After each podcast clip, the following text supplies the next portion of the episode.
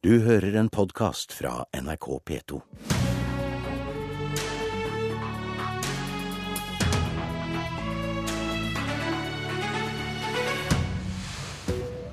Venstre har gjort det.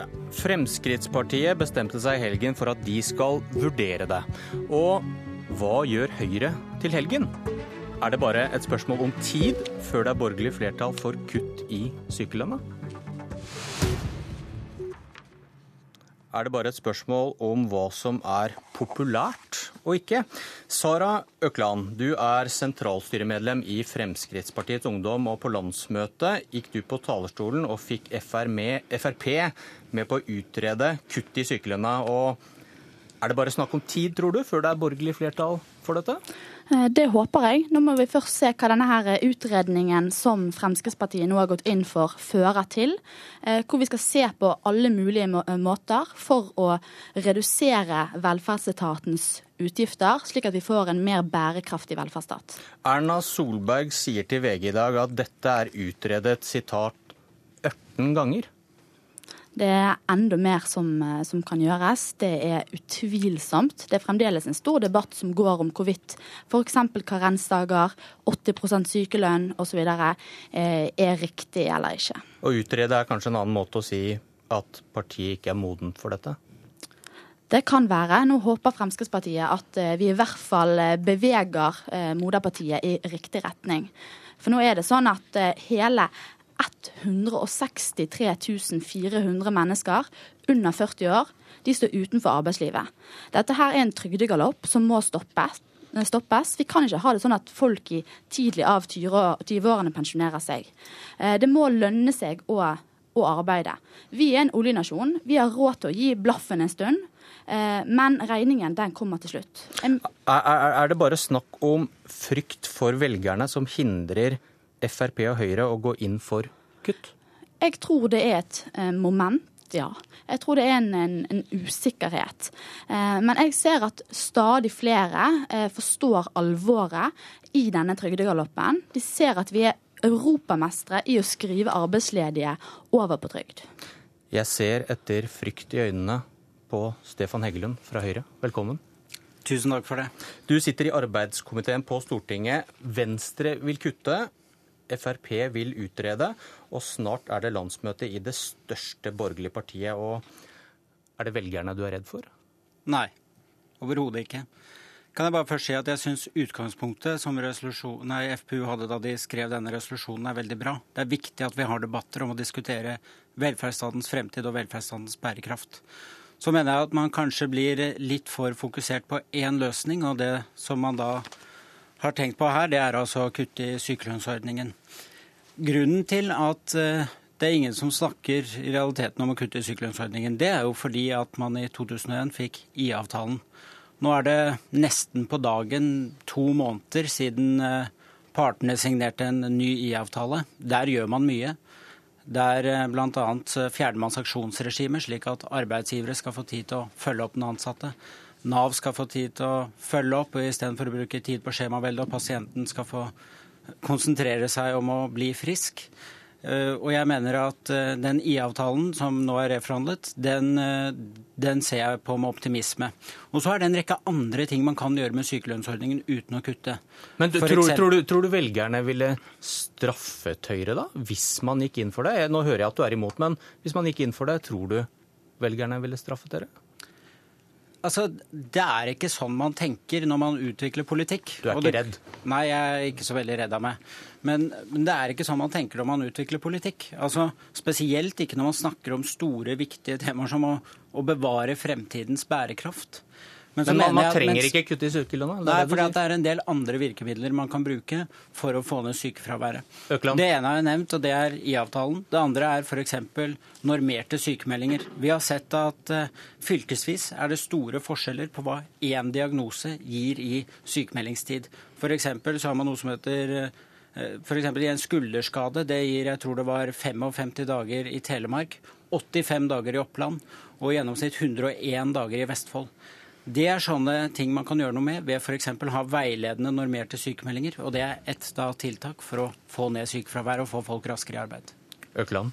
Denne resolusjonen handler om mye mer enn bare sykelønn. Den handler også om, om f.eks. uføretrygdede. De 80 personene som hver eneste dag går fra å være arbeidsledig til å eh, bli uføretrygdede.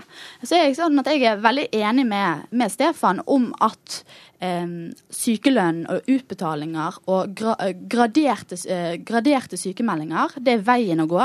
Eh, og det er noe vi må ha mer av. Eh, det er sånn at eh, Fire av ti de sykemeldes for plager som ikke kan forklares medisinsk, men med trøtthet og slapphet osv. Moral? Det kan være ja. Jeg mener at eh, vi må se på retningslinjene i dette her. Se på muligheten for å gradere sykemeldingene mer. Tilrettelegge mer på arbeidsplassene, slik at folk kan stå i arbeid. Det ønsker folk flest, og da må vi også legge til rette for det. Det er ikke noe behov for å røyke ut de umoralske, Heggelund? Jeg syns den spørsmålsstillingen blir litt rar, for å være helt ærlig. Eh, vi har sagt at vi vil gjøre noe med sykelønnsordningen for å få ned sykefraværet. En av tingene jeg har nevnt, er normerte sykemeldinger. Nasjonale mål for gradering av sykemeldinger tror jeg også er viktig. I tillegg så har vi sagt at eh, ingen fastleger skal kunne sykemelde mer enn seks måneder av gangen uten å få en second opinion. Det sier vi nettopp fordi vi vet at langtidssykefraværet er den største utfordringen. fordi at jo lenger folk står sykemeldt, jo vanskeligere er det å få dem tilbake i arbeid. Men så har vi jo en del, så må vi se på dette i en større sammenheng. Altså en del andre tiltak som ikke går direkte på sykelønnsordningen, men som vil være viktige. F.eks. så vi, jobber vi nå på spreng med å korte ned helsekøene nemlig ved å kjøpe folk ut av helsekøene, eh, sånn som vi sa i valgkampen at vi skulle gjøre. Vi skal bygge ut det psykiske helsetilbudet i kommunene, slik at folk får hjelp der de bor. Det er altså en rekke ting vi kan gjøre for å få ned sykefraværet uten å kutte i sykelønna. For ett år siden så ble du intervjuet i Minerva. Sitat. Videre bør vi kutte i sykelønnen. Ditt sitat. Ja. Det er alltid hyggelig å bli møtt med gamle sitater. Det er nå, ikke så veldig gammelt. Nei, men nå har jeg Jeg har jo ikke vært så lenge i politikken. du mener det egentlig, er liksom underspørsmålet her, da? Ja, ikke sant. Men det som er så fint med, selv om det bare er ett år som går, er at man kan bli litt klokere av det. Torbjørn Røe Isaksen mener... han mente også at man skulle kutte i trygder og avgifter. Og så er det et eller annet i vannet i arbeidskomiteen som gjør at når høyrefolk kommer inn der, så mener de det ikke lenger. Ja, Det er veldig godt vann der. Men det som er poenget, er at man eh, finner ut at det er faktisk andre tiltak man kan sette i verk nå når det gjelder sykelønnsordningen, som faktisk kan få ned sykefraværet. Økland, gir det deg håp? At du, tror du det sitter en, at det er både i Heggelund og andre høyrefolk en sovende motstand mot full sykelønn?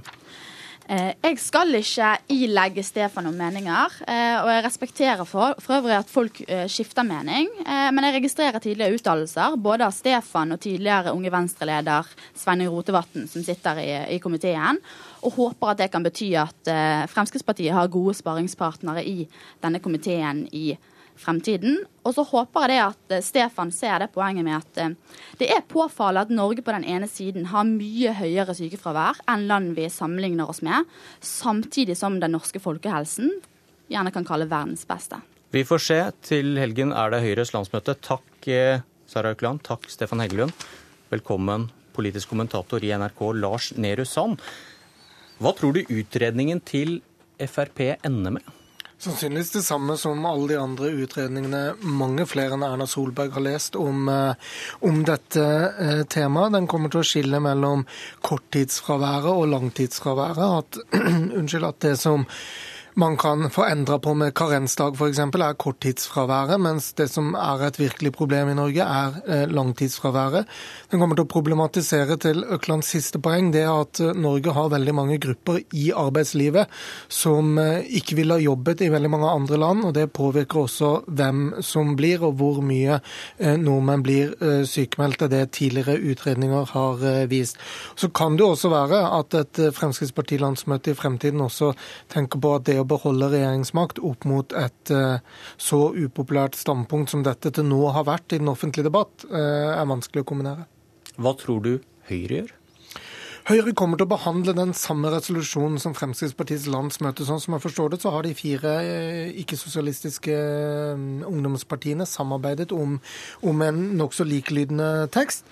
Eh, så de kommer til å ha den i hvert fall anledning til å behandle den samme teksten og komme til den samme konklusjonen som eh, Fremskrittspartiet gjør. Men at Høyre, som et ledende regjeringsparti midt i en valgperiode, skal endre et standpunkt i et så vesentlig arbeidslivsspørsmål, det syns jeg fremstår som lite sannsynlig.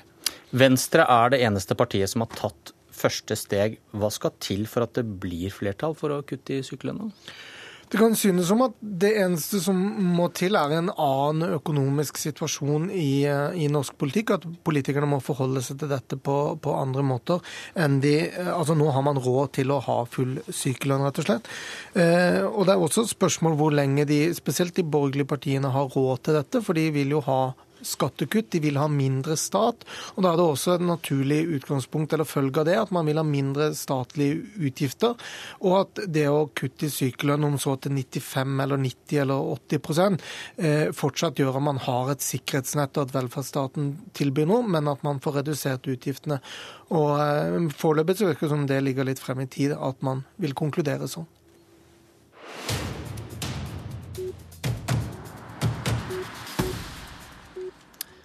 Vi starter også neste sak på Fremskrittspartiets landsmøte. Å modernisere landbruket er som å flytte en kirkegård. Du får lite hjelp av dem som er der. Det sa landbruksminister Sylvi Listhaug i sin Takk for maten-tale. Og i dag kommer hun med statens tilbud til bøndene i jordbruksoppgjøret. Og kommentator Lars Nehru Sand, mye tale for brudd i de forhandlingene som følger, hører vi. Kan vi ta det for gitt? Det kommer til å bli mye leven, så tror Sylvi Listhaug vil oppleve at det er mye liv i norske bønder i ukene som eh, kommer. Brudd er derimot ikke et mål i seg selv for noen av partene. Jeg tror Bondelaget forstår at hvis de skal ha en finger med spillet lengst mulig, så er det ikke et alternativ å bryte veldig raskt. Jeg tror Sylvi Listhaug også forstår at hun ikke har som mål å fremprovosere et brudd, av den veldig enkle grunn at hun er avhengig, hvis hun skal få gjort store endringer mange år på rad, så kan det være lurt lurt å ha med seg eh, også motstanderne sine lengst mulig. Hvor store endringer i landbrukspolitikken kan vi vente oss? Ja, med den, eh, Det oppspillet som har vært til årets landbruksforhandlinger, så ligger det an til betydelige eh, endringer. Og eh, også regjeringsplattformen og, Listhaugs retorikk bærer bud om at det blir større endringer enn vi er vant til i statens tilbud, som hun da legger frem nå i dag. Betyr dette automatisk store kutt?